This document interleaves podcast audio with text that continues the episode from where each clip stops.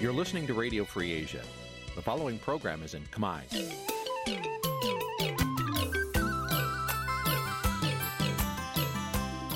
Nǐ chi càm bi tiệp xáy vệt chiu a zì sáy.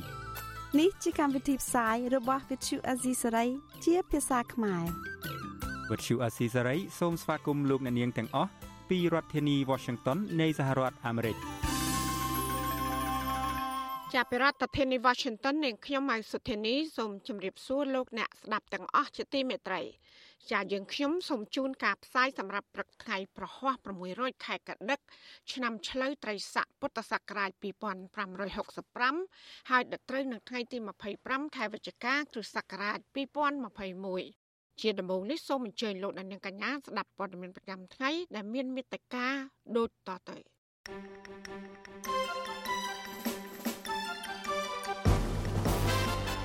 អង្គការសិទ្ធិមនុស្សអន្តរជាតិអំពាវនាវដល់អឺរ៉ុបឲ្យថ្កោលទោសអំពើរំលោភសិទ្ធិមនុស្សនៅកម្ពុជា ក្នុងកិច្ចប្រជុំកំពូលអាស៊ីអឺរ៉ុបមជ្ឈមណ្ឌលសិទ្ធិមនុស្សកម្ពុជាអំពាវនាវឲ្យបញ្ឈប់ការប្រើអំពើហិង្សាលើស្ត្រីត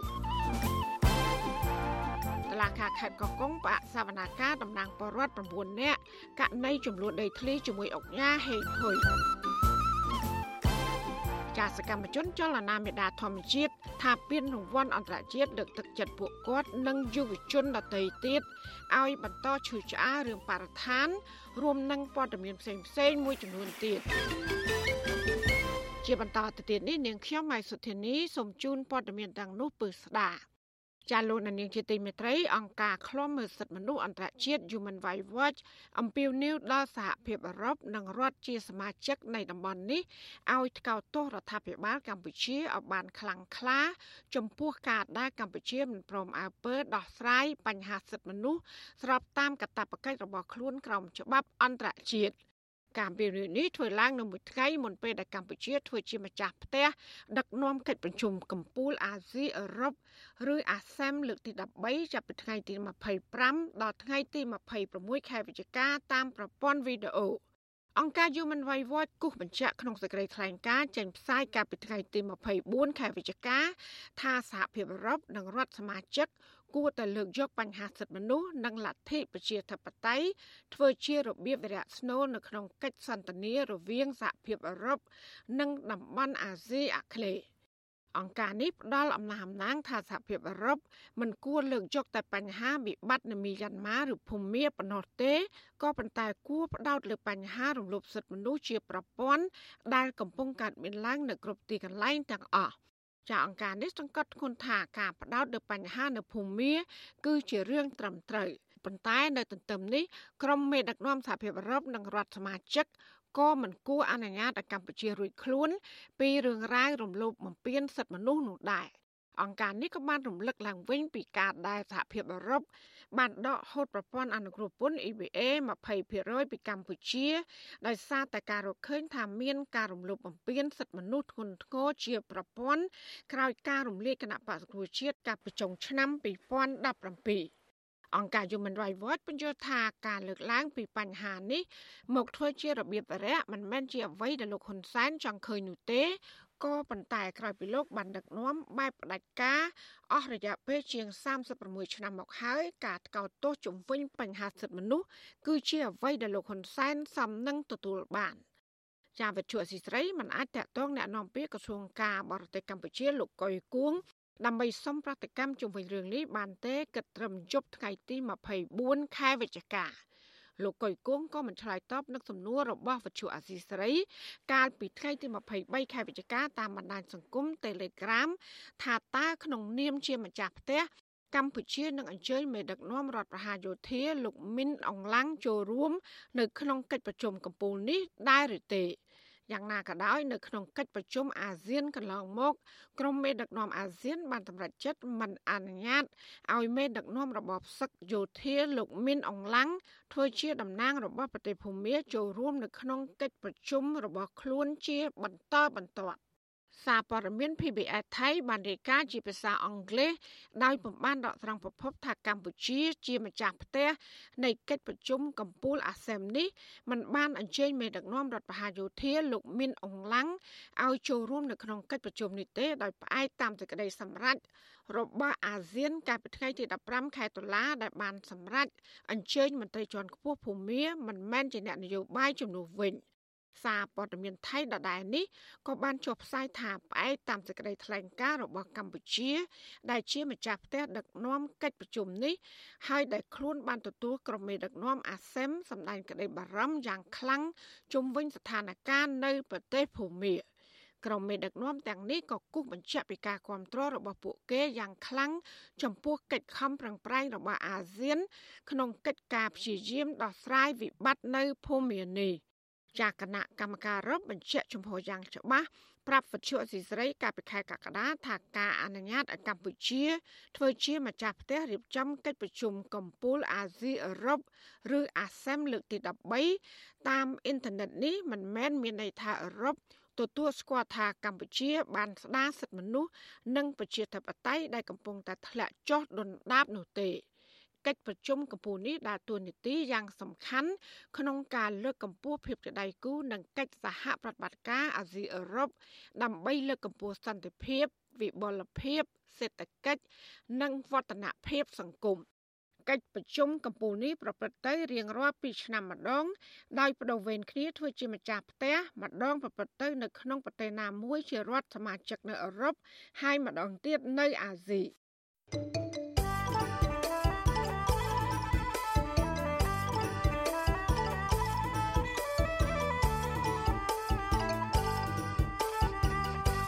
ចាលោកនាងកញ្ញាកំពុងស្ដាប់ការផ្សាយរបស់វិទ្យុអសីស្រីផ្សាយចេញពីរដ្ឋធានី Washington សមាជិកគណៈអចិន្ត្រៃយ៍នៃគណៈបកប្រជាជនកម្ពុជា លោកឈៀមយៀបនឹងត្រូវឡើងកាន់តំណែងជាអនុប្រធានទី1រដ្ឋសភានៅថ្ងៃទី25ខែវិច្ឆិកានេះជំនួសសពលោកងួនញិលតើលោកឈៀមយៀបអាចជួយរដ្ឋាភិបាលឲ្យមានភាពល្អប្រសើរជាងបច្ចុប្បន្នបានដែរឬទេខណៈដែលលោកធ្លាប់មានរឿងរ៉ាវអាស្រូវកឹបកេងលុយរដ្ឋាភិបាល ចាសសេចក្តីរាយការណ៍ពុស្ដាមពីរឿងនេះលោកណានៀងនឹងបានស្ដាប់នាពេលបន្តិចទៀតនេះចាសសូមអរគុណ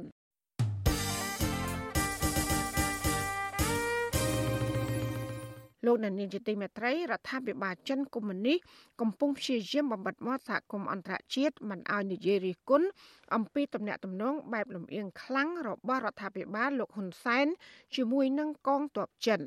អ្នកវិភាគនយោបាយថាទង្វើរបស់ចិនបែបនេះអាចនាំឲ្យសហគមន៍អន្តរជាតិមើលឃើញកាន់តែច្បាស់ពីទំនាក់ទំនងខុសធម្មតារវាងកម្ពុជានិងចិនកាលពីរដ្ឋធានី Washington លោកយុនសាមៀនរាយការណ៍អំពីរឿងនេះ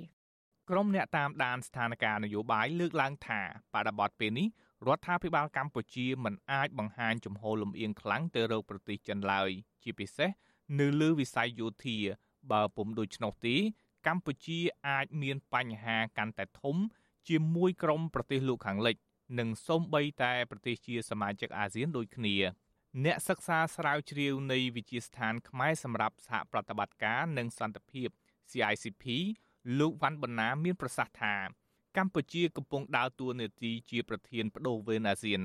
ដូច្នេះការលំអៀងខ្លាំងទៅរកប្រទេសចិននឹងធ្វើឲ្យប្រទេសមហាអំណាច និងសមាជិកអាស៊ានដទៃទៀតបាត់ទំនុកចិត្តលើកម្ពុជា ចំពោះការដោះស្រាយបញ្ហាតំបន់ដូចជាវិបត្តិសិទ្ធិមនុស្សនៅមីយ៉ាន់ម៉ាឬភូមា និងចំនួនសមុទ្រចិនខាងត្បូងជាដើមទៀតដោយសហរដ្ឋអាមេរិកដោយសហភាពអឺរ៉ុបគេច្បាស់ហើយថាកម្ពុជាជាប្រទេសរណបរបស់ចិនមួយអញ្ចឹងចង់មិនចង់កម្ពុជាដូចខ្ញុំនិយាយម្ដងហើយម្ដងទៀតវាខាតប្រយោជន៍ខាតតាំងពីសេដ្ឋកិច្ចតាំងពីនយោបាយ វាអាចមានចំណេញផលប្រយោជន៍គឺចំណេញផលប្រយោជន៍តទៅលើមេដឹកនាំដែរប៉ុន្តែបើសិនជាផលប្រយោជន៍តទៅនឹងប្រជាជនទាំងមូលវាមិនបានជាដុំកំភួនអីប្រហែលទេបាទស្រដៀងគ្នានេះអគ្គលេខាធិការសហព័ន្ធនិស្សិតបញ្ញវន្តកម្ពុជា លោកគៀនពន្លកថ្លែងថា របបក្រុងប៉េកាំងបានបញ្ជូនសារម្ដងហើយម្ដងទៀតទៅកាន់សហគមន៍អន្តរជាតិថា កម្ពុជាមានចិនជាខ្នងបង្អែកដើម្បីកុំឲ្យក្រមប្រទេសប្រជាធិបតេយ្យចូលពាក់ព័ន្ធនឹងបញ្ហាកម្ពុជា ពេលនេះគឺអ្វីដែលសំខាន់នៃប្រទេសចិនគឺការប្រជែងអធិបុលជាមួយនឹងប្រទេសមហាអំណាចលោកសេរីអញ្ចឹងហើយបើសិនបើយើងធ្លាក់ទៅក្នុងអន្លង់មួយនៃអធិពលរបស់ប្រទេសចិននោះនឹងអាចទាញប្រទេសកម្ពុជាប្រឈមនឹងសង្គ្រាមត្រជាក់ថ្មីម្ដងទៀតហើយនឹងអាចទាញប្រទេសកម្ពុជាឲ្យធ្លាក់ទៅក្នុងភ្លើងសង្គ្រាមស៊ីវិលម្ដងទៀតបាទប្រតិកម្មរបស់ក្រុមអ្នកសង្កេតការទាំងនេះកើតមានឡើងក្រោយពីទូតចិននៅភ្នំពេញ បានហាមប្រទេសដទៃទៀតមិនឲ្យរិះគន់ពីទំនាក់ទំនងកម្ពុជាចិនលើវិស័យយោធាអគ្គរដ្ឋទូតចិនប្រចាំកម្ពុជា លោកវាងវិនធាន មានប្រសាសន៍កាលពីថ្ងៃទី23វិច្ឆិកាថាប្រទេសចិននិងកម្ពុជាជាពិសេសកងទ័ពប្រទេសទាំងពីរ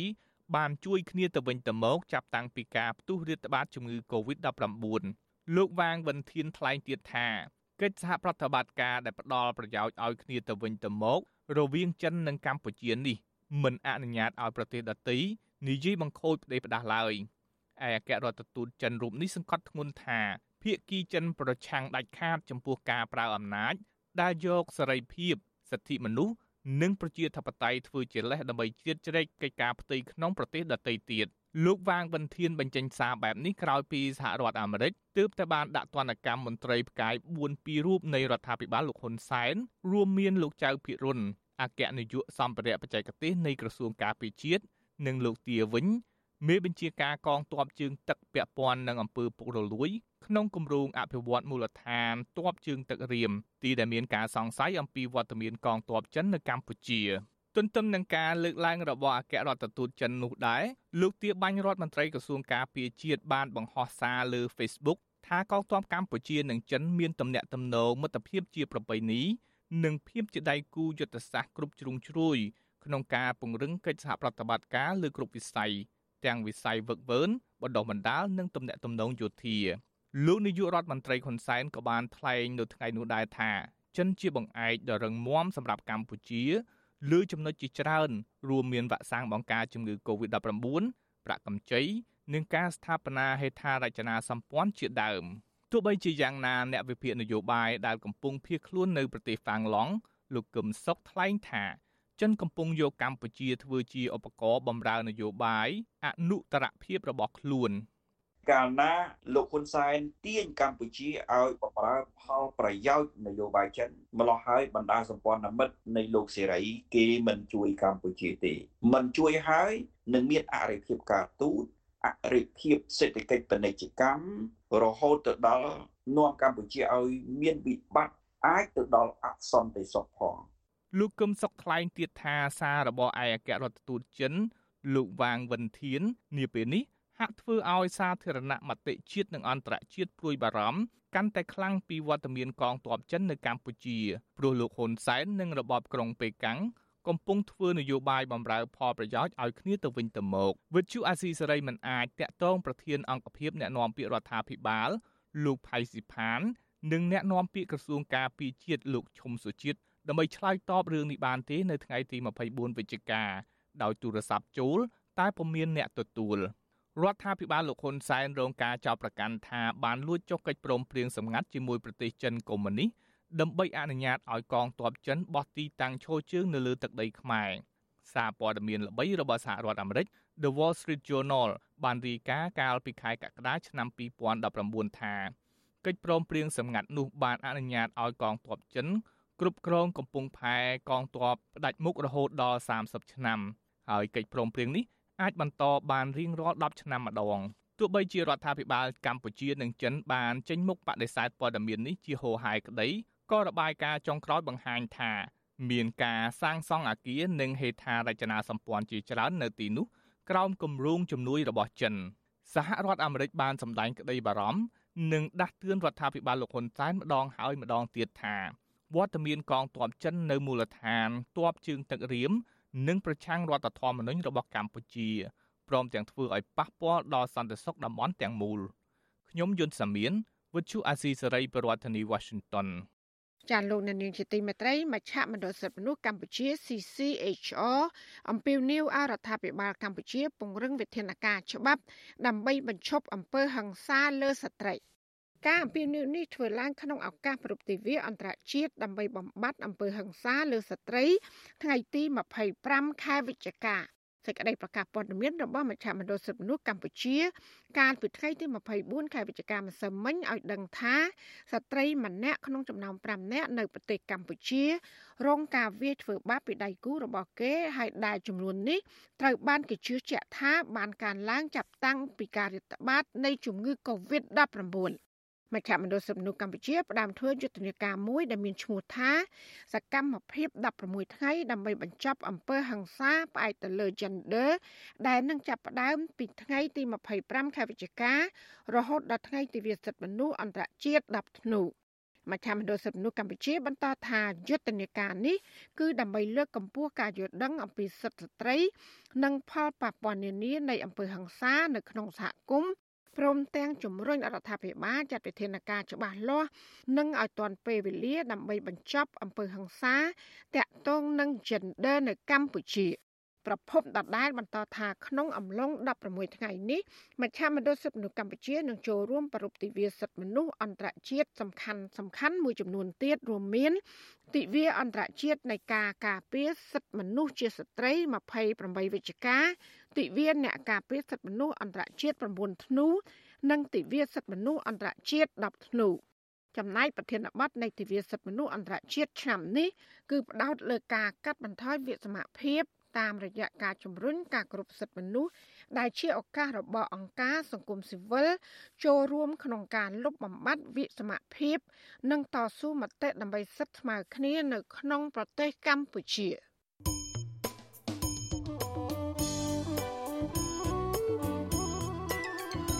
លោកអ្នកនាងកញ្ញាកំពុងស្ដាប់ការផ្សាយរបស់វិទ្យុអាស៊ីស្រីផ្សាយចេញពីរដ្ឋធានី Washington ចាវិទ្យុអាស៊ីស្រីផ្សាយតាមរលកធាតុអាកាសខ្លីឬ short wave តាមកម្រិតនិងកម្ពស់ដូចតទៅ ពេលព្រឹកចាប់ពីម៉ោង5កន្លះដល់ម៉ោង6កន្លះតាមរយៈរលកធាតុអាកាសខ្លី9390 kHz ស្មើនឹងកម្ពស់ 32m ហើយនឹង11850 kHz ស្មើនឹងកម្ពស់ 25m ចាសម្រាប់ពេលយប់វិញចាប់ពីម៉ោង7កន្លះដល់ម៉ោង8កន្លះគឺតាមរយៈរលកធាតុអាកាសខ្លី9390 kHz ស្មើនឹងកម្ពស់ 32m ហើយនឹង15155 kHz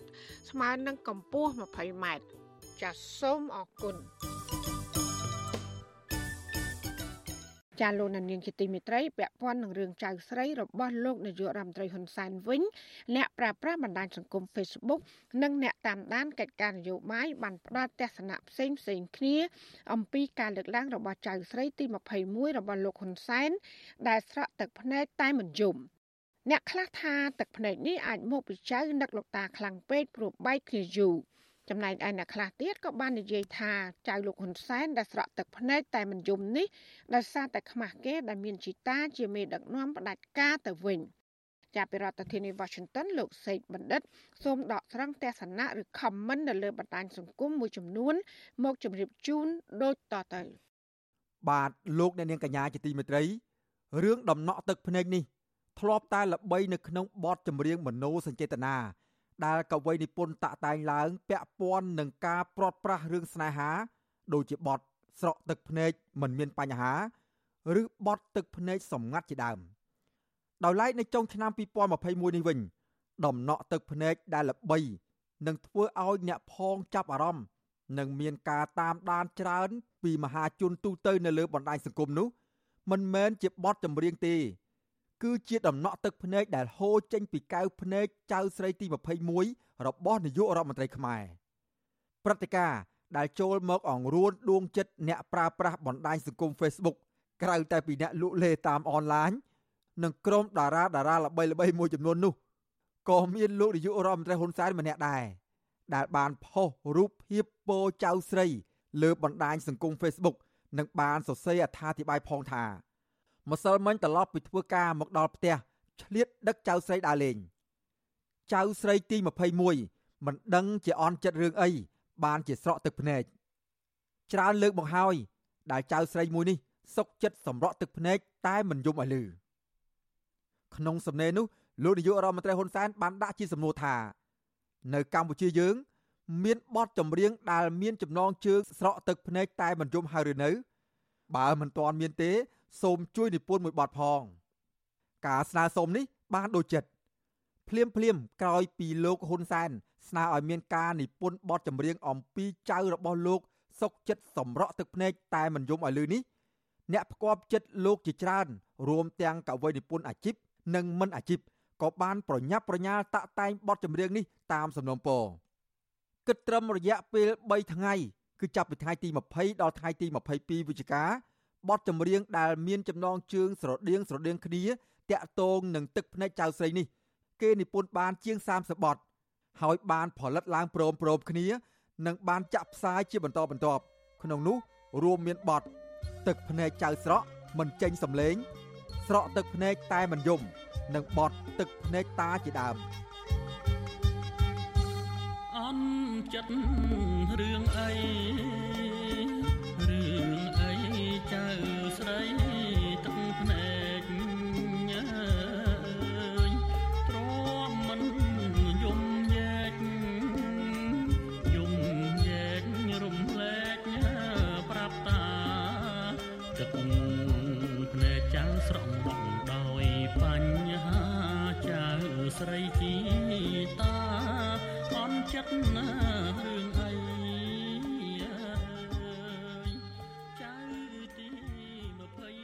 បទចម្រៀងទាំងនោះភាកច្រើនផលិតឡើងដោយយកលំនាំបទភ្លេងពីចំនួនដើមឬហៅថាបទមរតកដើមខមមិនជុំវិញរឿងនេះម្ចាស់ករណី Facebook ម្នាក់ក្នុងចំណោមម្ចាស់ករណី Facebook ជាច្រើនទៀតដែលវិទ្យុអាស៊ីសេរីសូមមិនបញ្ចេញឈ្មោះដើម្បីសុវត្ថិភាពពួកគាត់នោះ បានលើកឡើងស្រដៀងគ្នាថា ទឹកភ្នែករាសស្រក់ស្ទើរគ្រប់ទីកន្លែង ដោយសាររឿងដីធ្លីដូចជាគ្មានអ្នកណាជួយនិពន្ធជាបទចម្រៀងអ្វីសោះ ដោយឡែកម្ចាស់ករណី Facebook ឈ្មោះប៉ៅពិសិដ្ឋចាប់អារម្មណ៍លើការស្រក់ទឹកភ្នែករបស់ចៅស្រីតូចរបស់នាយករដ្ឋមន្ត្រី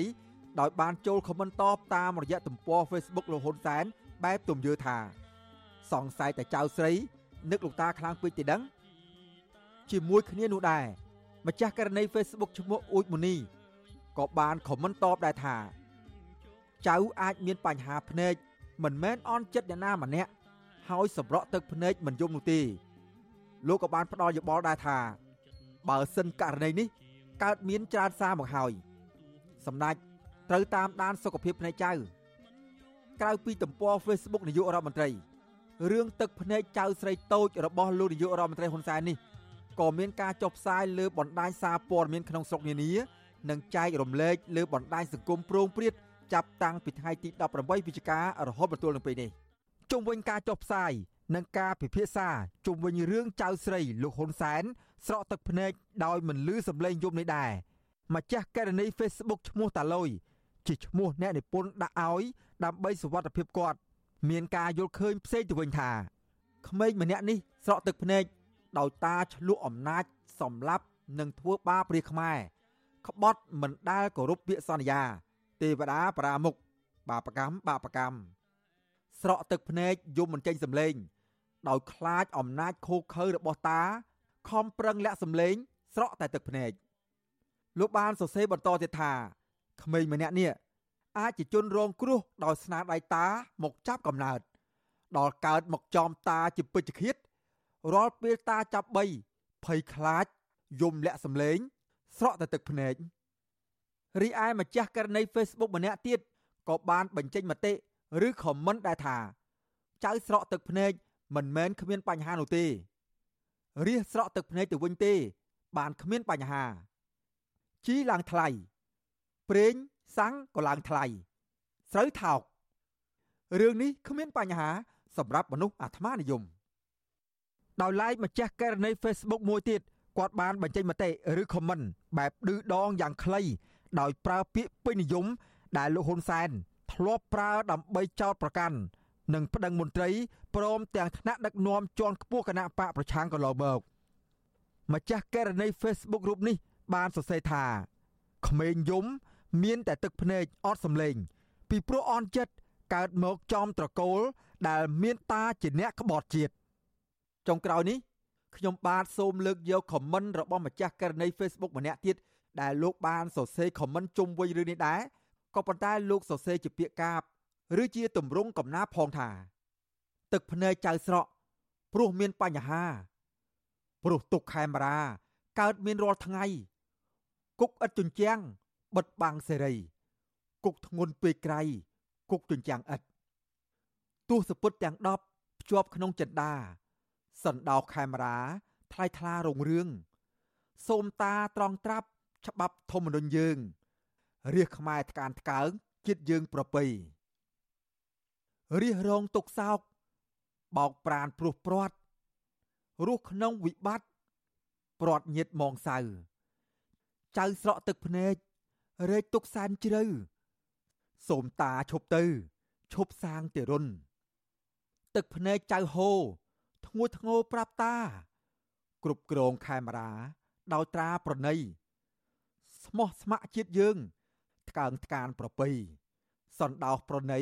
ទឹកដីសវណ្ណភូមិខ្ញុំបាទសេកបណ្ឌិតវិទ្យុអាស៊ីសេរីពីរដ្ឋធានីវ៉ាស៊ីនតោនចាលោកនាងកញ្ញាកំពុងស្ដាប់ការផ្សាយរបស់វិទ្យុអាស៊ីសេរីផ្សាយចេញពីរដ្ឋធានី Washington ចាសកម្មជនចលនាមេដាធម្មជាតិ ទទួលបានពានរង្វាន់ពីអង្គការអន្តរជាតិឈ្មោះ Frontline Defender កាលពីថ្ងៃទី24ខែវិច្ឆិកាចំពោះភាពក្លាហាន និងការហ៊ានប្រថុយប្រឋាន គ្រោះថ្នាក់ដើម្បីការពារបរិស្ថាន និងធនធានធម្មជាតិនៅកម្ពុជាតើពួកគាត់បដិញ្ញាចិត្តដោយមិនដាច់ខ្លះក្រោយពីបានទទួលពានរង្វាន់នេះចាសសេចក្តីរកាប់ពីស្ដាមពីរឿងនេះលោកដានៀងក៏នឹងបានស្ដាប់នាពេលបន្តិចទៀតនេះចាសសូមអរគុណអាស៊ីសេរី មន្ត្រីអង្គការសង្គមស៊ីវិលអំពាវនាវឲ្យតុលាការខេត្តកោះកុងទម្លាក់បទចោទប្រកាន់ប្រឆាំងនឹងក្រុមប្រជាប្រដ្ឋដែលមានទំនាស់ដីធ្លីជាមួយនឹងអុកញ៉ាហេងហ៊ុយការស្នើសុំនេះនៅបន្ទាប់ពីតុលាការខេត្តកោះកុង សម្រាប់ផ្អាកសវនាការជំនុំជម្នះក្តីចំពោះតំណាងប្រជាប្រដ្ឋចំនួនដីធ្លីចំនួន9នាក់តាក់ទងនឹងបណ្ដឹងបរិហាកេរបស់អុកញ៉ាហេងហ៊ុយហើយនឹងជាប់ចោតវិបត្តិញុះញង់ក្រោយពីចៅក្រមនិងតំណាងអัยការប្រើពេលអស់ជាច្រើនម៉ោង បានសាកសួរមនុស្ស7នាក់ហើយនៅសល់2នាក់ទៀតត្រូវសាកសួរបន្តនៅពេលក្រោយចាសសូមស្ដាប់សេចក្តីរាយការណ៍របស់អ្នកស្រីសុជីវីជំនាញបញ្ហានេះដូចតទៅ តំណាងពលរដ្ឋមានចំនួនដីធ្លី9នាក់នាំគ្នាចូលរួមសវនកម្មនៅសាលាដំបងខេត្តកោះកុងកាលពីថ្ងៃទី24ខែវិច្ឆិកាម្សិលមិញតាក់ទងនឹងបណ្ដឹងរបស់អុកញ៉ាហេងហ៊ុយប្រធានក្រុមហ៊ុនហេងអភិវឌ្ឍដែលចោទពួកគាត់ថាបរិហាកេលោកជាសាធារណៈនិងញុះញង់បណ្ដឹងនេះធ្វើឡើងបន្ទាប់ពីអ្នកភូមិចេញតវ៉ាប្រឆាំងនឹងក្រុមហ៊ុនតំណាងពលរដ្ឋម្នាក់ដែលបានឆ្លើយបំភ្លឺនៅមុខតុលាការលោកស្រីដេតហ៊ូឲ្យដឹងថា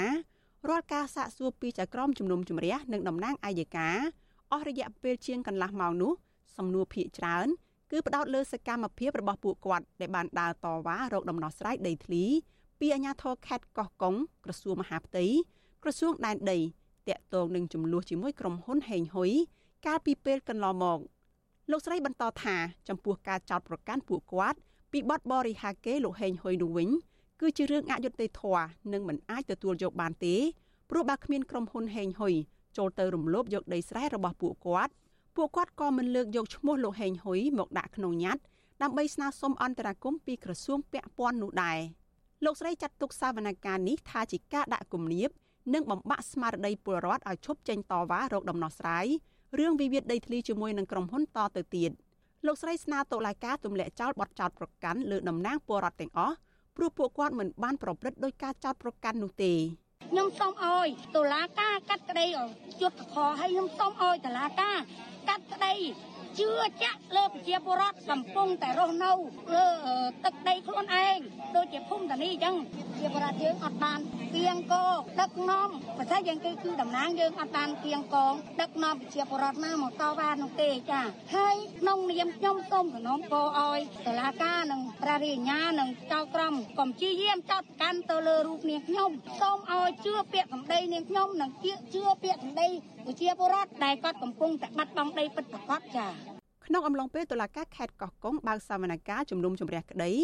នៅឯខាងមុខតុលាការឯណោះវិញ មានប្រជាពលរដ្ឋរាប់រយនាក់ដែលមកពីសហគមន៍មានចំនួនដីធ្លីចំនួន7សហគមន៍នាំគ្នាស្រែកតវ៉ា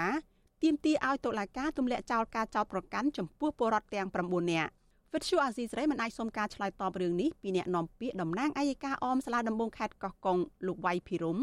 និងអ្នកនាំពាក្យតុលាការខេត្តកោះកុងលោកស៊ូសវណ្ណារាបានទេ កាលពីថ្ងៃទី24ខែវិច្ឆិកាដោយហៅទូរស័ព្ទចូលប៉ុន្តែពុំមានអ្នកទទួល តកតនឹងរឿងនេះអ្នកសម្របសម្រួលអង្គការការពារសិទ្ធិមនុស្សលីកាដូប្រចាំនៅខេត្តកោះកុងលោកហួរអ៊ីនមានប្រសាសន៍ថារាល់បណ្ដឹងចោតប្រកាន់លើតំណាងប្រជាពលរដ្ឋឡើងតុលាការនេះគឺផ្ដើមចេញពីចំនួនដីធ្លី ដែលភៀកគីក្រុមហ៊ុនហេងហ៊ុយមិនសប្បាយចិត្តនឹងសកម្មភាពរបស់អ្នកភូមិដែលតែងតែចេញរកដំណោះស្រាយពីអាជ្ញាធរជាច្រើនឆ្នាំមកនេះ ការដាក់ពាក្យបណ្ដឹងនេះគឺការចេញពីការតវ៉ាទាមទារដោះស្រាយដីធ្លីវាមិនមែនជាករណីប្រព្រឹត្តបទល្មើសព្រហ្មទណ្ឌអីណាវាបង្ហាញពីការប្រើសិទ្ធិសេរីភាពក្នុងការទាមទារក្នុងការតវ៉ាស្នើសុំឲ្យអាជ្ញាធរដោះស្រាយអញ្ចឹងបើកាលណាតឡាការមានចំណាត់ការដាក់ ទោសទៅលើតំណាងប្រជាប្រដ្ឋទាំង9នេះយើងបង្ហាញឲ្យឃើញថាតឡាការស្ថិតនៅខាងជាមួយនឹងអ្នកមានលុយអ្នកមានអំណាចហើយអញ្ចឹងដើម្បីកុំឲ្យមានការរិះគន់ពីមហាជនតឡាការគួរតែទម្លាក់ការចោទប្រកាន់ទៅលើតំណាងប្រជាពលរដ្ឋទាំង9នាក់ហ្នឹងកាលពីដើមខែកក្កដាឆ្នាំ2019ក្រសួងរៀបចំដែនដីអះអាងថាពលរដ្ឋចំនួន197គ្រួសារមិនជាប់ពាក់ព័ន្ធនឹងករណីវិវាទដីសម្បត្តិដាំដំណាំអំពៅផលិតស្ករសនាំចេញ ក្នុងភូមិសាស្ត្រខេត្តកោះកុងនោះទេក្រសួងក៏ប្រមានចាត់វិធានការតាមផ្លូវច្បាប់ចំពោះក្រុមប្រជាពលរដ្ឋជិត200គ្រួសារប្រសិនបើមានការប្រមូលផ្ដុំគ្នាតវ៉ារោគដំណោះស្រាយនៅមុខក្រសួងសាជាថ្មីទៀតទន្ទឹមគ្នានោះរដ្ឋបាលខេត្តកោះកុងក៏បានចេញលិខិតមួយបដិសេធសំណើរបស់ពលរដ្ឋដែលស្នើសុំកាត់ជ្រៀលដីទំហំ421ហិកតា ចេញពីគម្រោងរបស់ក្រុមហ៊ុនហេងហ៊ុយ Agriculture Group ស្ថិតនៅក្នុងឃុំជីខលើស្រុកស្រែអំបិលអាជ្ញាធរខេត្តកោះកុងអះអាងថាទីតាំងដែលពលរដ្ឋស្នើសុំកាត់ជ្រៀលនោះគឺស្ថិតនៅលើដីដែលមានបានកម្មសិទ្ធិរួចហើយរបស់ក្រុមហ៊ុនហេងហ៊ុយអាជ្ញាធរបញ្ជាក់ថាការដោះស្រាយគឺជាសមត្ថកិច្ចរបស់ស្ថាប័នតុលាការរដ្ឋាភិបាលបានផ្ដល់ដីសម្បត្តិសេដ្ឋកិច្ចទៅឲ្យក្រុមហ៊ុនហេងហ៊ុយអភិវឌ្ឍជាង4000ហិកតាដើម្បីវិនិយោគដាំអំពៅកាលពីឆ្នាំ2007 នៅឆ្នាំ2010ពលរដ្ឋចោទប្រកាន់ក្រុមហ៊ុនហេងហ៊ុយអភិវឌ្ឍថាបានយកគ្រឿងចាក់ទៅឈូសឆាយដីលំនៅឋានរបស់ពលរដ្ឋនិងគំរាមចាប់ខ្លួនប្រជាពលរដ្ឋណាដែលហ៊ានចេញតវ៉ាចំពោះការឈូសឆាយវាទយកដីរបស់ក្រុមហ៊ុនពលរដ្ឋអះអាងថាពួកគាត់បានចូលកាន់កាប់និងអាស្រ័យផលនៅលើដីធ្លីនោះចាប់តាំងពីឆ្នាំ1979មកម្លេះដោយមានបានកាន់កាប់ដីធ្លីទទួលស្គាល់ពីអាជ្ញាធរមូលដ្ឋានពលរដ្ឋបានដឹងថាក្នុងរយៈពេល2ឆ្នាំចុងក្រោយនេះ ក្រុមហ៊ុនហេងហ៊ុយអភិវឌ្ឍបានឈប់ដាំដំណាំអំពៅចំណែករោងចក្រផលិតស្ករសក៏មិនឃើញមានសកម្មភាពមមាញឹកទៀតនោះដែរតំណាងពលរដ្ឋទាំង9នាក់ស្នើសុំតុលាការខេត្តកោះកុងទម្លាក់ចោលបទចោទប្រកាន់ប្រឆាំងនឹងពួកគាត់និងស្នើសុំរដ្ឋាភិបាលដាក់ចេញគោលនយោបាយដោះស្រាយបញ្ចប់វិវាទដីធ្លីមួយនេះដោយឈរលើគោលការណ៍ច្បាប់យុត្តិធម៌និងមនុស្សធម៌នាងខ្ញុំសុជីវីវិទ្យុអាស៊ីសេរីពីរដ្ឋធានី Washington Thank you.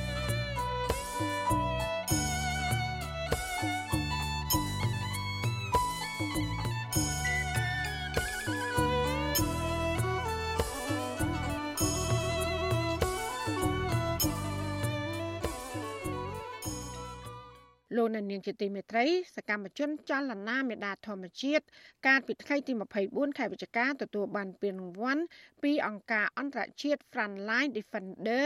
ចំពោះភាពក្លាហាននិងការហ៊ានបថុយប្រឋានគ្រោះថ្នាក់ដើម្បីការពារបរិស្ថាននិងធនធានធម្មជាតិនៅប្រទេសកម្ពុជា។ ចាពួកគាត់ថាពានរង្វាន់នេះគឺលើកទឹកចិត្តពួកគាត់និងយុវជនដទៃឲ្យបន្តសកម្មភាពឈឺឆ្អាលរឿងបរិស្ថាន និងធនធានធម្មជាតិកាន់តែខ្លាំងក្លាថែមទៀតចាប់ពីរដ្ឋធានី Washington លោកមុងណារ៉េតរាយការណ៍ពុស្ដាជំនាញព័ត៌មាននេះក្រមយុវជនចលនាមេដាធម្មជាតិបង្ហាញអារម្មណ៍ចម្រុះក្រោយទទួលបានពានរង្វាន់អន្តរជាតិនោះពួកគាត់ត្រេកអរលីលំនឹងការសោកស្ដាយ ពួកគាត់រំភើបចិត្តខ្លាំងព្រោះពួកគាត់មិនរំពឹងទុកថាទទួលបានពានរង្វាន់ជាលក្ខណៈអន្តរជាតិបែបនេះនោះឡើយសមាជិកនៃក្រុមយុវជនចលនាមេដាធម្មជាតិយុវតីសុនរដ្ឋាប្រាប់វិទ្យុអាស៊ីសេរីកាលពីថ្ងៃទី24ខែវិច្ឆិកាថាអ្វីដែលក្រុមយុវជនពួកគាត់បានធ្វើផ្នែកការពារបរិស្ថាននិងធនធានធម្មជាតិនោះមានការទទួលស្គាល់ជាអន្តរជាតិក៏ប៉ុន្តែកញ្ញាខកចិត្តដែលសកម្មភាពឈឺឆ្អាលកិច្ចការសង្គមដើម្បីប្រយោជន៍រួមបែបនេះ បែរជាត្រូវអាជ្ញាធរនៃរដ្ឋាភិបាលកម្ពុជាខ្លួនឯងមិនត្រឹមតែមើលរំលងនោះទេក៏ប៉ុន្តែតាមធ្វើទុកបុកម្នេញក្រុមការងាររបស់កញ្ញាឥតស្រាកស្រានថែមទៀតផង។ត្រកពេលហ្នឹងយើងក៏មានអារម្មណ៍អន់ចិត្តហើយយើងក៏ស្ងាក់ចិត្តហើយនឹងសោកស្ដាយខ្លាំងមែនទែនដែលហើយនៅពេលដែលយើងខំធ្វើការងារទាំងអស់ហ្នឹងយើងបែរជាត្រូវទទួល ការចាប់ដាក់ពន្ធនាគារជារង្វាន់របស់សកម្មជនបរិស្ថាននៅក្នុងពន្ធនាគាររយៈពេលដូចគ្នាខ្ញុំខ្លះគាត់ឡើងមួយឆ្នាំជាងហើយពួកខ្ញុំនៅ5ខែបែបហ្នឹងចឹងទៅហើយក៏ទោះបីជាទទួលបានការនៅក្រៅឃុំបណ្ដោះអាសន្នប៉ុន្តែមិនមានន័យថាពួកខ្ញុំមានសេរីភាពឡើងវិញទេគឺពួកខ្ញុំស្ថិតក្រោមការតាមដានដ៏តឹងរឹងក្រមយុវជនចលនាមេដាធម្មជាតិនៃប្រទេសកម្ពុជា ស្ថិតនៅក្នុងចំណោមក្រុមសកម្មជនបរិស្ថាននិងសិទ្ធិមនុស្សពីប្រទេសចំនួន6 រួមមានកម្ពុជាប៉ាឡេស្ទីនសេរ៉ាឡេអូនបេឡារុសប៉ូទុយហ្គាល់និងប្រទេសប្រេស៊ីលដែលជាអ្នកទទួលបានពានរង្វាន់សកម្មជនជួរមុខពីអង្គការអន្តរជាតិការពារសកម្មជន Frontline Defenders ដែលមានមូលដ្ឋាននៅទីក្រុង Dublin ប្រទេសអៀកឡង់ពិធីប្រគល់រង្វាន់នេះធ្វើឡើងតាមប្រព័ន្ធវីដេអូពានរង្វាន់សកម្មជនជួរមុខនេះត្រូវបានបង្កើតឡើងនៅក្នុងឆ្នាំ2005 ដើម្បីទទួលស្គាល់កិច្ចការរបស់សកម្មជនបរិស្ថាន សង្គមនិងសិទ្ធិមនុស្សដែលក្លាហានហ៊ានចូលរួមសកម្មភាពលើកកម្ពស់និងការពារបរិស្ថានធនធានធម្មជាតិនិងសិទ្ធិមនុស្សបើទោះបីជាដឹងថាកិច្ចការនេះធ្វើឲ្យមានគ្រោះថ្នាក់ខ្លាំងដល់ខ្លួនយ៉ាងណាក៏ដោយសមាជិកនៃក្រុមយុវជនចលនាមេដាធម្មជាតិមួយរូបទៀតចាត់ទុកពានរង្វាន់នេះជាសក្ខីភាពបញ្ជាក់ថាការងារដែលពួកគាត់ធ្វើកន្លងមកគឺត្រឹមត្រូវនិងមិនខុសច្បាប់យុវជនលីច័ន្ទរាវុធ ដែលទៅចេញពីពន្ធនាគារប្រាប់វិទ្យុអាស៊ីសេរីថាសកលលោកទទួលស្គាល់និងឲ្យតម្លៃការងាររបស់ក្រុមការងាររបស់លោកលោកថាពានរង្វាន់នេះគឺក្រុមលោកទទួលនៅក្នុងនាមប្រជាពលរដ្ឋខ្មែរជាច្រើនអ្នកផ្សេងទៀតដែលតស៊ូផ្នែកបរិស្ថាននិងធនធានធម្មជាតិនៅកម្ពុជា រង្វាន់នេះលោកថាជាការលើកទឹកចិត្តដល់សកម្មជនទាំងអស់មិនខុសពីសមាជិកក្រុមចលនាមេដាធម្មជាតិកញ្ញាសុនរដ្ឋាលោកលីច័ន្ទរាវុធ ខកចិត្តនឹងអាញាធរកម្ពុជាដែលជាម៉ែឪតែបែរជាមិនលើកទឹកចិត្តក្រុមយុវជន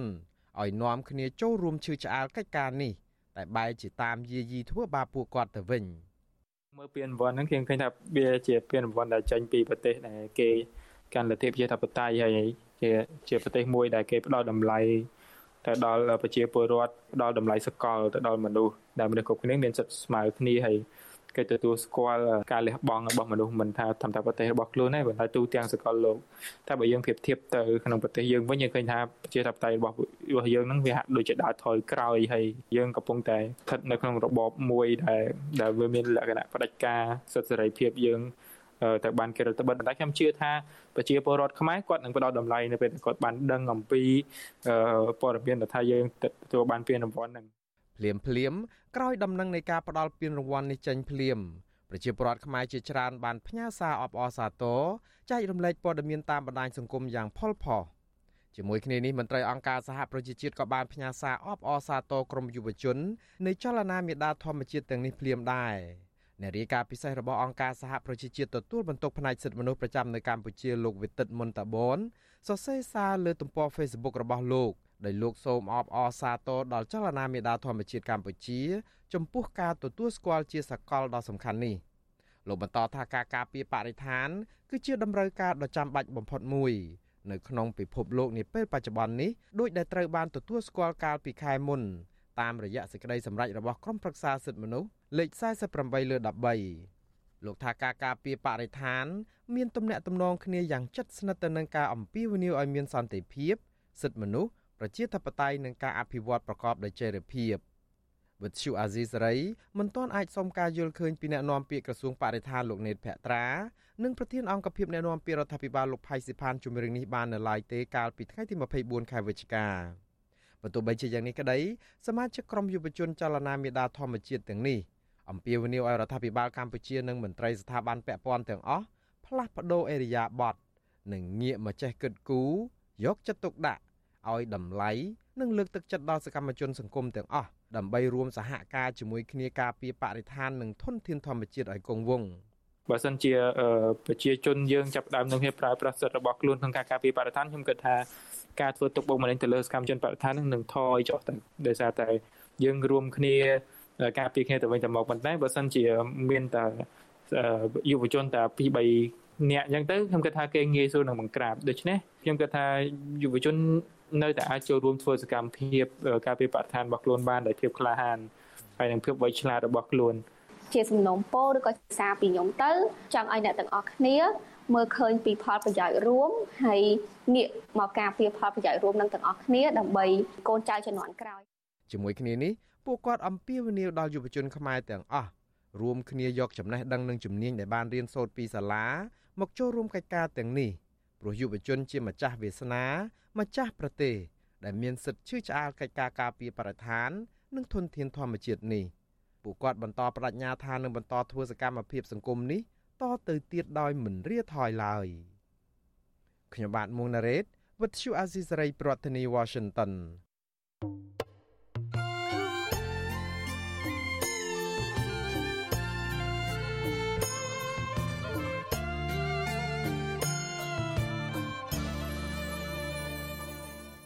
ចាលោកអ្នកស្ដាប់ជាទីមេត្រីសមាជិកគណៈអចិន្ត្រៃយ៍នៃគណៈបកប្រជាជនកម្ពុជាលោកឈៀមយៀបនឹងត្រូវឡើងកាន់តំណែងជាអនុប្រធានទី1រដ្ឋសភា នៅថ្ងៃទី25ខែវិច្ឆិកាជំនួសសពលោកងុនញិល តំណាងរាស្ត្របកប្រឆាំងយល់ថាលោកជាមយៀបមិនអាចជួយរដ្ឋាភិបាលឲ្យមានភាពល្អប្រសើរជាងបច្ចុប្បន្នបានទេខណៈដែលលោកធ្លាប់មានរឿងរ៉ាវអាស្រូវលេចធ្លោខាងកឹបកេងលុយរដ្ឋាភិបាលនិងការបញ្ជាអតៃកងបើកឡានបើករត់ក្រោយដែលបង្កគ្រោះថ្នាក់ចរាចរណ៍ដែលបណ្ដាលឲ្យមនុស្សស្លាប់ចាសសូមស្ដាប់សេចក្តីរាយការណ៍ពិស្ដាររបស់លោកជីវតាជុំវិញជីវប្រវត្តិសង្ខេបរបស់លោកឈៀមយៀបដូចតទៅ លោកជាមយៀបធ្វើជាតំណាងរាស្ត្រម្នាក់ដែលអាចរាប់បានថាជាមនុស្សធ្វើការយូរនៅក្នុងរដ្ឋសភា គឺជិត30ឆ្នាំហើយលោកឈរឈ្មោះជាតំណាងរាស្ត្រសម្រាប់មណ្ឌលខេត្តព្រៃវែងឲ្យគណៈបកប្រជាជនកម្ពុជា តាំងពីឆ្នាំ1993រហូតដល់បច្ចុប្បន្នក្នុងរយៈពេលជិត30ឆ្នាំមកនេះលោកក៏ទទួលបានការដំឡើងឋានៈនៅក្នុងផ្ទៃបកជាបន្តបន្ទាប់ដែរប៉ុន្តែទន្ទឹមនឹងថ្មីដៃការងារទាំងឡាយ នឹងការបានតំណែងមន្ត្រីជាន់ខ្ពស់ក្នុងបកកាន់អំណាចនេះលោកក៏មានជាប់សង្ស័យពាក់ព័ន្ធរឿងអាស្រូវពុករលួយ ខាងកັບកេងលុយរដ្ឋយ៉ាងច្រើនមិនចាញ់មន្ត្រីធំធំរបស់បកកាន់អំណាចផ្សេងទៀតទេអតីតតំណាងរាស្ត្រជាប់ឆ្នោតនៃគណៈបកសង្គ្រោះជាតិលោកងឹមញែងអះអាងថាលោកជាមជាបមិនមែនជាមន្ត្រីល្អទេព្រោះលោកមិនសូវគិតគូរពីប្រយោជន៍ជាតិប៉ុន្មានទេ គឺលោកច្រើនតែរកវិធីកັບកេងលុយរដ្ឋសភា ការសុំក្រឡុំគ្នាដើម្បីឲ្យសិទ្ធិម៉ៅការសំណង់អគាររដ្ឋសភាធ្លាក់ក្នុងដៃក្រុមហ៊ុនលីឈួនដែលម្ចាស់ក្រុមហ៊ុននេះត្រូវជាកូនប្រសាររបស់លោកនឹងការបញ្ជាឲ្យតៃកុងបើកឡានរត់ក្រោយបានបើកឡានបុកពលរដ្ឋស្លាប់ជាដើម។ គាត់កាន់ប្រធានគណៈកម្មការហិរញ្ញវត្ថុនៅរដ្ឋសភាយើងឃើញគឺល្បីម្សាក្នុងការកសាងអគាររដ្ឋសភាហ្នឹងគឺពុករលួយសុំកលុំគ្នាគេងប្រវាញ់ថាវិការសភាហ្នឹងដើម្បីក្រុមគ្រួសារគាត់ជាពិសេសគឺកូនប្រសាគាត់ជាអ្នកទទួលសាងសង់រដ្ឋសភាហ្នឹងឯងរឿងពុករលួយនៅក្នុងរដ្ឋសភាមានច្រើនណាប៉ុន្តែគ្រាន់តែខ្ញុំរំលេចល្បីមួយទៀតគឺរឿងគ្រាន់តែសង់ដងទង់ជាតិមួយចំណាយអស់រាប់ម៉ឺនដុល្លារហ្នឹងគឺសិតតែក្រោមស្នាដៃលោកធានយល់ហើយកាលពីឆ្នាំ2015 លោកជាមយៀបជាប្រធាននៃគណៈកម្មការសេដ្ឋកិច្ចហិរញ្ញវត្ថុធនាគារនិងសវនកម្មត្រូវបានតំណាងរាជគណៈបកសង្គ្រោះជាតិលោកសុនឆៃអះអាងថាលោកបានប្រព្រឹត្តអំពើពុករលួយនិងការចំណាយមិនប្រក្រតីដែលទំនងកັບកេងលុយរដ្ឋសភា ក្នុងមួយឆ្នាំប្រមាណជាង10លានដុល្លារអំពើពុករលួយនិងការចំណាយមិនប្រក្រតីទាំងនោះ មានដូចជាគម្រោងចំណាយមិនប្រក្រតីលើការទិញនិងការដំឡើងឧបករណ៍ការពាររន្ទះ តម្លៃដល់ទៅ12000ដុល្លារក្នុងមួយគ្រឿងការសាងសង់ខ្លោងទ្វាររដ្ឋសភាតម្លៃជាង50000ដុល្លារការសាងសង់សញ្ញាបារមី ឬរូបសញ្ញារដ្ឋសភាដាក់មុខខ្លោងទ្វារតម្លៃ60000ដុល្លារដងទង់ជាតិមួយដើមតម្លៃ35000ដុល្លារម៉ាស៊ីនថតចម្លងតម្លៃ35000ដុល្លារក្នុងមួយគ្រឿងនិងការទិញរថយន្ត13គ្រឿងយកមកចែកឲ្យប្រធាន អនុប្រធានទី1អនុប្រធានទី2 និងប្រធានគណៈកម្មការទាំង10របស់រដ្ឋសភាម្នាក់មួយគ្រឿងក្នុងតម្លៃសរុបប្រមាណ40លានដុល្លារលោកសុនឆៃអះអាងថាលោករកឃើញទៀតថាលោកជាមយាបបានអនុញ្ញាតឲ្យរដ្ឋសភាចាយលុយខ្ជះខ្ជាយតាមអំពើចិត្តដូចជាចាយទៅលើសេវានាំភ្ញៀវមកមើលរដ្ឋសភានិងបេសកកម្មមន្ត្រីរដ្ឋសភាចេញទៅក្រៅប្រទេសជាដើម លោកបន្ថែមថាការចំណាយទាំងនោះមិនបានផ្ដល់ផលប្រយោជន៍ដល់ពលរដ្ឋទេ កន្លងទៅ លោកជាមយាបធ្លាប់បានបដិសេធការចោទប្រកាន់ទាំងអស់ដោយលោកអះអាងថាការចំណាយទាំងអស់នោះសុទ្ធតែមានឯកសារនិងមានការអនុម័តយល់ព្រមពីរដ្ឋសភាក្រៅពីរឿងអាស្រូវនេះ កាលពីឆ្នាំ2013លោកជាមយាបក៏ធ្លាប់បញ្ជាឲ្យតៃកុងឡានរបស់លោកបើកឡានរត់និងដោះផ្លាកលេខឡានចេញក្រោយពេលបើកឡានបុកពលរដ្ឋនៅម្ដុំស្រុកគៀនស្វាយដោយឡានរបស់លោកបើកបុកប្តីប្រពន្ធ2នាក់កំពុងជិះម៉ូតូឌុបគ្នា ហើយបណ្ដាលឲ្យស្ត្រីជាប្រពន្ធស្លាប់នៅនឹងកន្លែងកើតហេតុប៉ូលីសក៏មិនបានចាប់ខ្លួនលោកជាមយាបនិងតៃកុងឡាន មកផ្ដន់ទោសតាមច្បាប់ក្នុងហេតុការណ៍នោះទេ លោកជាមយាបគ្រាន់តែបង់ថ្លៃព្យាបាល សងថ្លៃខូចម៉ូតូនិងសន្យាផ្ដល់ថវិកាដល់កូនកូនរបស់ជនរងគ្រោះជុំវិញការតែងតាំងអនុប្រធានទី1រដ្ឋសភានេះវិទ្យុអាស៊ីសេរីមិនអាចសុំការបញ្ជាក់បន្ថែមពីសម័យខ្លួនលោកជាមយាបបានទេ នៅថ្ងៃទី24វិច្ឆិកា ឯអ្នកនាំពាក្យគណៈបកប្រជាជនកម្ពុជាលោកសុកអេសាន បង្វែរឲ្យសួរទៅអ្នកនាំពាក្យរដ្ឋសភាលោកលេងពេញឡុងលោកលេងពេញឡុងប្រាប់អាស៊ីសេរីថាខាងរដ្ឋសភា បានទទួលយកសំណើរបស់គណៈបកប្រជាជនកម្ពុជារួចហើយជុំវិញករណីស្នើសុំតែងតាំងលោកជាមយៀបជាអនុប្រធានរដ្ឋសភាទី1ជំនួសសពលោកងួនយលលោកអះអាងថាលោកជាមយៀបមានស្នាដៃច្រើនអាចជួយដល់កិច្ចការរដ្ឋសភាទោះជាយ៉ាងណា លោកលេងពេញឡុងមានប្រសាសន៍ថារឿងអាស្រូវរបស់លោកជាមយៀបកន្លងទៅ លោកមិនដឹងទេ ឥឡូវខ្ញុំអត់មានដឹងអីតិចសោះទេរឿងបញ្ហាហ្នឹងឬស្នាដៃឯទៀតគឺថាលោកឃើញហើយគឺថាគាត់បានដឹកនាំគណៈអង្គការទី2ហ្នឹងទាំងការដឹកនាំម្នាក់ឯងគឺថាជាគណៈបកប្រជាជនម្នាក់ឯងទាំងការដឹកនាំជាមួយគណៈបកសង្គ្រោះជាតិកាលជំនាន់ហ្នឹងក៏មានដែរមានគណៈបកច្រើននៅជាមួយគាត់គឺគាត់ជាប្រធានរហូតអញ្ចឹងជាមួយលោកសុនឆៃជាមួយនឹងគណៈបកសង្គ្រោះជាតិដទៃទៀតគឺគាត់នៅប្រធានរហូតអញ្ចឹងការងារគាត់យើងឃើញតាមរយៈនៃការគាត់ធ្វើជាប្រធានគណៈការទី2ហ្នឹងបាទកើតឆ្នាំ1946នៅភូមិព្រែកចាម ឃុំបន្លិចប្រាសាទស្រុកពីមខេត្តព្រៃវែងលោកជាមយៀបគឺជាតំណាងរាស្ត្រមណ្ឌលព្រៃវែងរបស់គណៈបកប្រជាជនកម្ពុជា តាំងពីឆ្នាំ1993ដល់បច្ចុប្បន្នលោកជាមយៀបបានបញ្ចប់ការសិក្សានៅសាលាបណ្ឌិតសភាយោធាពោធិចិនតុងឆ្នាំ1973និងផ្នែកចិត្តវិទ្យាគរុកសលនៅឆ្នាំ1989ចំពោះភាសាបរទេសវិញ ក្រៅពីភាសាបារាំងនិងភាសាអង់គ្លេសហើយនោះ លោកជាមយាបក៏ចេះភាសាវៀតណាមដែរ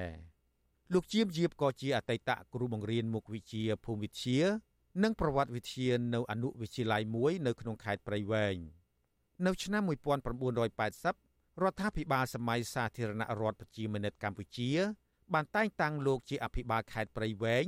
និងក្រោយមកទៀតលោកត្រូវបានតែងតាំងជាអនុរដ្ឋមន្ត្រីទីស្តីការគណៈរដ្ឋមន្ត្រី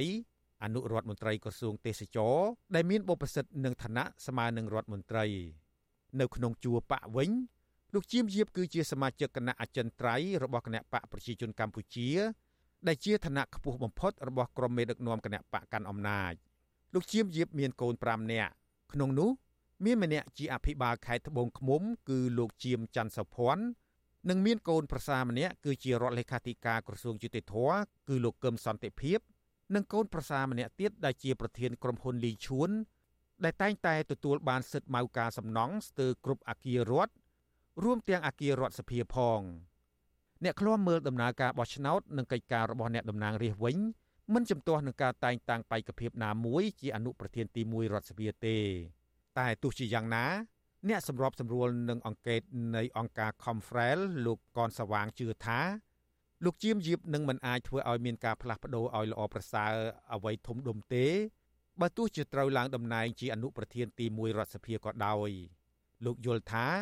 ការរើសតំណាងរាស្ត្រឲ្យកាន់តំណែងជាក្បាលម៉ាស៊ីនក្នុងនីតិបញ្ញត្តិគឺជារឿងសំខាន់គួរជាអ្នកតំណាងរាស្ត្រដែលមានប្រវត្តិការងារល្អនិងមានស្នាដៃតាក់ទាញបេះដូងប្រជាពលរដ្ឋលោកបន្តថាបើពុំដូច្នោះទេនឹងអាចប៉ះពាល់ដល់ប្រជាប្រិយភាពគណៈបកនយោបាយនោះជាមិនខាន។ វាអាចធ្វើឲ្យមានការលើកឡើងរបស់ប្រជាប្រដ្ឋដែរឧទាហរណ៍ថាមានតំណាងរាស្ត្រណាមួយគាត់រំលោភអំណាចគាត់ក៏ជីកគាត់គាត់ទៅយកដីអីគេចឹងឧទាហរណ៍ណាបាទអញ្ចឹងអាកេឈ្មោះនឹងហើយដែលវាសុសសាយដល់សាធារណជនហើយបើកើតមានការនិយាយដែលធ្វើឲ្យកិត្តិយសរបស់គាត់នឹងរបស់គណៈបកនយោបាយដែលដាក់បេក្ខជននឹងគាត់អាចនឹងពិចារណាឬក៏បើមិនពិចារណាគណៈរៀបចំទេគាត់អាចខាត់បងឯតែប៉ុណ្្នឹងបាទបន្ថែមពីនេះក្រុមអ្នកឃ្លាំមើលចង់ឲ្យរដ្ឋាភិបាលនិងរដ្ឋសភា រកយន្តការជំរុញឲ្យមានគណៈបកប្រឆាំងឬមន្ត្រីចម្រុះនៅក្នុងរដ្ឋសភាទើបអាចជួយឃ្លាំមើលនិងផ្ដល់យោបល់ពីបញ្ហាមិនប្រក្រតីក្នុងការដឹកនាំរបស់រដ្ឋាភិបាលនិងរដ្ឋសភាខ្ញុំជីវិតាអាស៊ីសេរី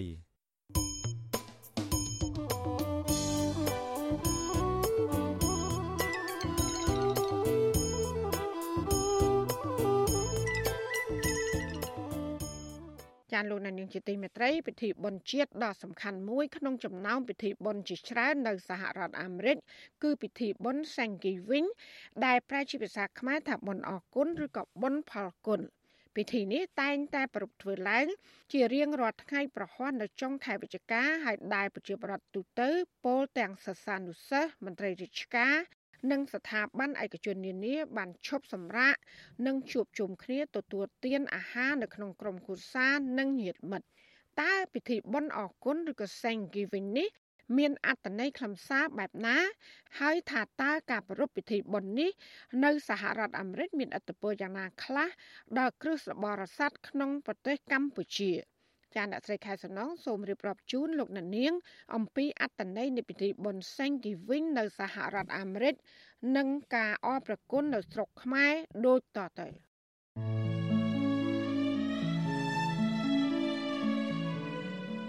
នៅសហរដ្ឋអាមេរិកគេតែងប្រារព្ធពិធីបុណ្យអរគុណបុណ្យផលគុណឬ Thanksgiving ជារៀងរាល់ថ្ងៃប្រហ័សក្នុងសប្តាហ៍ទី4នៃខែវិច្ឆិកា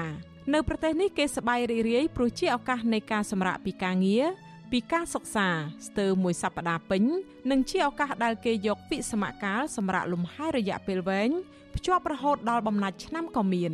ឱកាសនៃការឈប់សម្រាកនោះគេមិនចោលការជួបជុំក្រុមគ្រួសារសាច់ញាតិឬនៅតាមព្រះវិហារគ្រិស្តបរិស័ទដើម្បីទទួលទានអាហារដុតមន់ថឺគី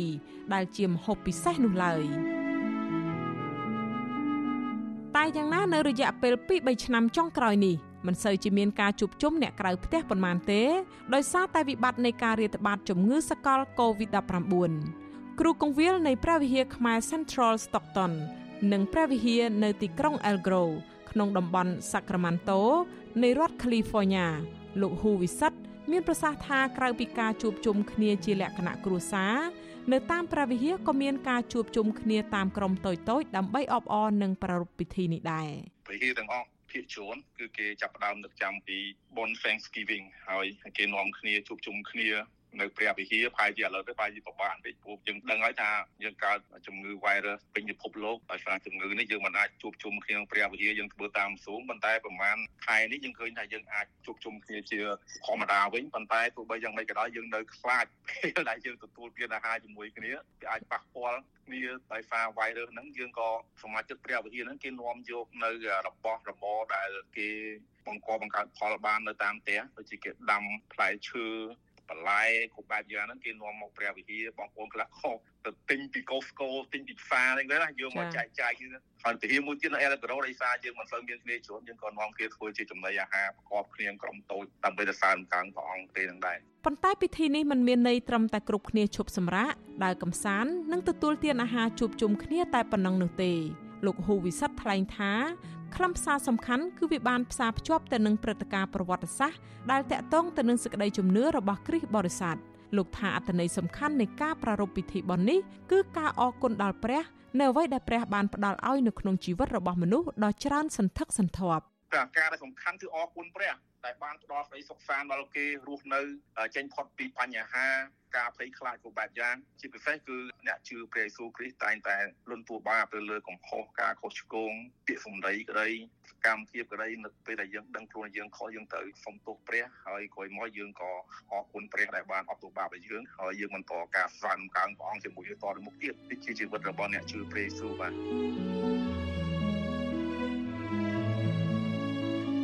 ចាលោកនាងជាទីមេត្រី ក្នុងថ្ងៃដំបូងដែលគេប្រារព្ធធ្វើនៅឆ្នាំ1621នោះគឺជាបុណ្យប្រពៃណីអបអរសាទរការប្រមូលផលរបស់ជនជាតិអង់គ្លេមួយឆ្នាំក្រោយដែលពួកនិគមជនអង់គ្លេសាសនាគ្រឹះនិកាយប្រូតេស្តង់ហៅថា Puritans ម្យ៉ាងទៀតហៅថាអ្នកស្វែងធម៌ Pilgrims បានជាសំពៅឈ្មោះ Mayflower ទៅកវៃកឆ្នាំងនៅម្ដុំ Plymouth នាភាគខាងត្បូងនៃទីក្រុង Boston រដ្ឋ Massachusetts នៃសហរដ្ឋអាមេរិកសប្តាហ៍ថ្ងៃនេះ នៅរដូវស្លឹកឈើជ្រុះឆ្នាំ1621ពួកអ្នកស្វែងធម៌ពីអង់គ្លេសដែលបានមករស់នៅទ្វីបអាមេរិកបាននាំគ្នាធ្វើពិធីជប់លៀងមួយចូលរួមដោយជនជាតិដើមអាមេរិកស្បែកក្រហមនៃកុលសម្ព័ន្ធវាំងបាណកដែលគប់ជួនពេលនោះកំពុងធ្វើពិធីបន់ប្រមូលផលប្រចាំឆ្នាំរបស់ពួកគេផងដូច្នេះមហូបអាហារដែលនាំយកមកជប់លៀងក្នុងពេលនោះសបោហូហៀណាស់ពិធីទទួលទានអាហារពេលនោះក៏បានคล้ายជាបន់ថ្លែងអំណរគុណឬ Thanksgiving របស់ក្រុមគ្រិស្តបរិស័ទដែលកាលនោះមានគ្នារស់រានមានជីវិតពីការអត់ឃ្លាន និងជំងឺដំកាត់នៅលើដែនដីថ្មីប្រមាណតែ50នាក់ប៉ុណ្ណោះបានคล้ายទៅជាទំនៀមទម្លាប់មួយប៉ុននេះដើមឡើយមិនសូវជាបានធ្វើឡើងខ្ជាប់ខ្ជួនប៉ុន្មានទេ នៅតាមតំបន់ដែលក្រមនិគមជននាំគ្នាកាន់តែច្រើនជាសំពៅឆ្លងសមុទ្រអាត្លង់តិកពីអឺរ៉ុបមកតាំងសហគមន៍នៅអាមេរិកនោះ ថ្មីបើការប្រារព្ធពិធីបន់នេះមានផ្សារភ្ជាប់គ្នាទៅនឹងរឿងរ៉ាវដែលបានកើតមានឡើងនិងសក្តីជំនឿរបស់គ្រិស្តបរិស័ទបែបនេះក្តី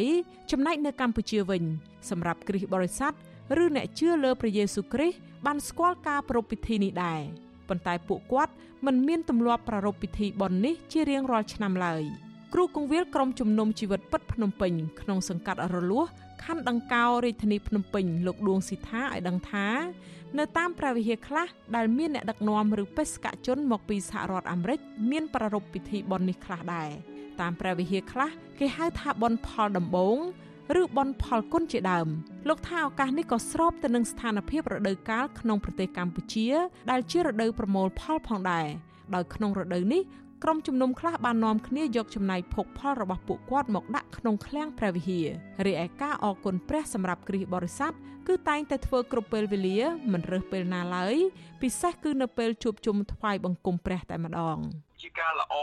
ដែលមនុស្សមើលឃើញរឿងរ៉ាវជីវិតអ្វីដែលបានកើតឡើងនៅក្នុងជីវិតអ្វីដែលកើតឡើងនៅក្នុងប្រទេសអ្វីដែលកើតឡើងនៅក្នុងក្រុមគ្រួសារនៅក្នុងសង្គមទាំងមូលគឺជាបំណងដែលព្រះទ្រង់បានដាក់នៅក្នុងជីវិតរបស់គាត់ដូចជានៅសហ រដ្ឋអាមេរិកអីដែលគេមានវិធីរំលឹកអំពីប្រវត្តិសាស្ត្ររបស់គេដែលចូលមកយកទឹកដីឬក៏តែព្រះទ្រង់ប្រទានទឹកដីដល់គេហើយរឿងរ៉ាវដែលគេជួបទោះបើមានទាំងទឹកភ្នែកមានទាំងការលំបាកដែលគេកំពុងតែជួបហើយគេអរព្រគុណដល់ព្រះដែលព្រះទ្រង់នៅតែថែរក្សានៅតែចិញ្ចឹមដល់គេសម្រាប់យើងដែលជាជនជាតិខ្មែរហើយរស់នៅ ប្រទេសខ្មែរក៏យើងមានឱកាសដើម្បីទៅអរព្រគុណដល់ព្រះដែលយើងអាចនៅតែមានឱកាសមានជំនឿនៅតែមានឱកាសសរសើរដំកើងហើយនៅតែមានឱកាសអរព្រគុណដល់ព្រះយើងមើលគេថាព្រះអង្គទ្រង់ល្អហើយសេចក្តីសប្បុរសរបស់ផងព្រះអង្គនៅក្នុងជីវិតរបស់ផងយើងនៅក្នុងប្រទេសរបស់ផងយើងហើយក៏ដូចជានៅក្នុងពិភពលោកទាំងមូលគ្រប់ពេលវេលាផងដែរ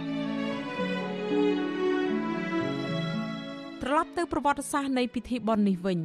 សម័យលោក George Washington ជាប្រធានាធិបតីដំបូងរបស់អាមេរិកក៏មានការប្រារព្ធធ្វើពិធីបុណ្យ Thanksgiving នេះដែរតែបុណ្យ Thanksgiving ពេលនោះម្ដងមានម្ដងបាត់រហូតដល់ឆ្នាំ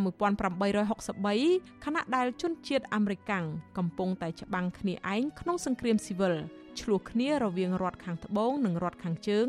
ពីរឿងបំបត្តិទេសភាពទើបលោកប្រធានាធិបតី Abraham Lincoln បានប្រកាសឲ្យ Thanksgiving คล้ายជាបុណ្យជាតិ ដើម្បីសម្ដែងការអរគុណព្រះជាម្ចាស់ចំពោះភ័ព្វសំណាងល្អដ៏ច្រើនសន្ធឹកសន្ធាប់ដែលជនជាតិអាមេរិកាំងបានទទួលដូចជាធនធានធម្មជាតិច្រើន និងកំណើនប្រជាពលរដ្ឋបើទោះជាប្រទេសកំពុងមានសង្គ្រាមកាលពីឆ្នាំ1939ខណៈដែលសហរដ្ឋអាមេរិកកំពុងស្ថិតក្នុងស្ថានភាពដុនដាបសេដ្ឋកិច្ចពេញទំហឹង លោកប្រធានាធិបតី Franklin Delano Roosevelt ក៏បានបដូរថ្ងៃបុណ្យដែលលោក Lincoln បានកំណត់ធ្វើនៅថ្ងៃប្រហ័សសប្តាហ៍ចុងក្រោយរបស់ខែវិច្ឆិកាមកធ្វើនៅថ្ងៃប្រហ័សសប្តាហ៍បន្ទាប់ពីចុងក្រោយនៃខែវិច្ឆិកាទៅវិញក្នុងបំណងចង់ឲ្យហាងលក់ទំនិញសម្រាប់បុណ្យណូអែលមានពេលវេលាកាន់តែច្រើនដើម្បីឃោសនាលក់ទំនិញរបស់ខ្លួនព្រោះថាជាទម្លាប់ គេអាចលក់សម្រាប់ឱកាសបុណ្យណូអែលបាន គឺទាល់តែធ្វើបុណ្យ Thanksgiving នេះចាប់សពគ្រប់លុះដល់ឆ្នាំ1942លោកប្រធានាធិបតី Roosevelt យល់ព្រមតាមសភាដោយចុះហត្ថលេខាអនុម័តយកថ្ងៃប្រហ័សសប្តាហ៍ទី4នៃខែវិច្ឆិកា ជាថ្ងៃប្រារព្ធពិធីបុណ្យ Thanksgiving ដោយដើមវិញ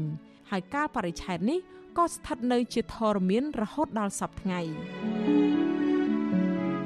ចាលោកនាងជាទីមេត្រីនៅក្នុងឱកាសបុណ្យនេះនាងខ្ញុំសូមជូនពរដល់លោកនាងឲ្យជួបតែសេចក្តីសុខសាន្តនិងសុវត្ថិភាពពីជំងឺរាតត្បាតដ៏កាចសាហាវនេះចារីករាយថ្ងៃបុណ្យអព្រះគុណនាងខ្ញុំខែសុណងវັດឈូអាស៊ីសេរីរាយការណ៍ពីរដ្ឋធានី Washington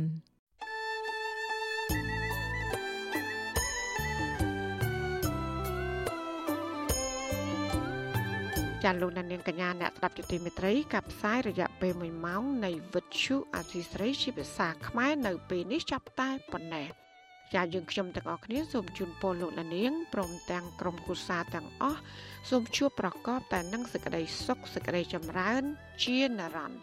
ចានាងខ្ញុំម៉ៃសុធានីព្រមទាំងក្រុមការងារទាំងអស់នៃវិទ្យុអសីស្រីសូមអរគុណនិងសូមជម្រាបលា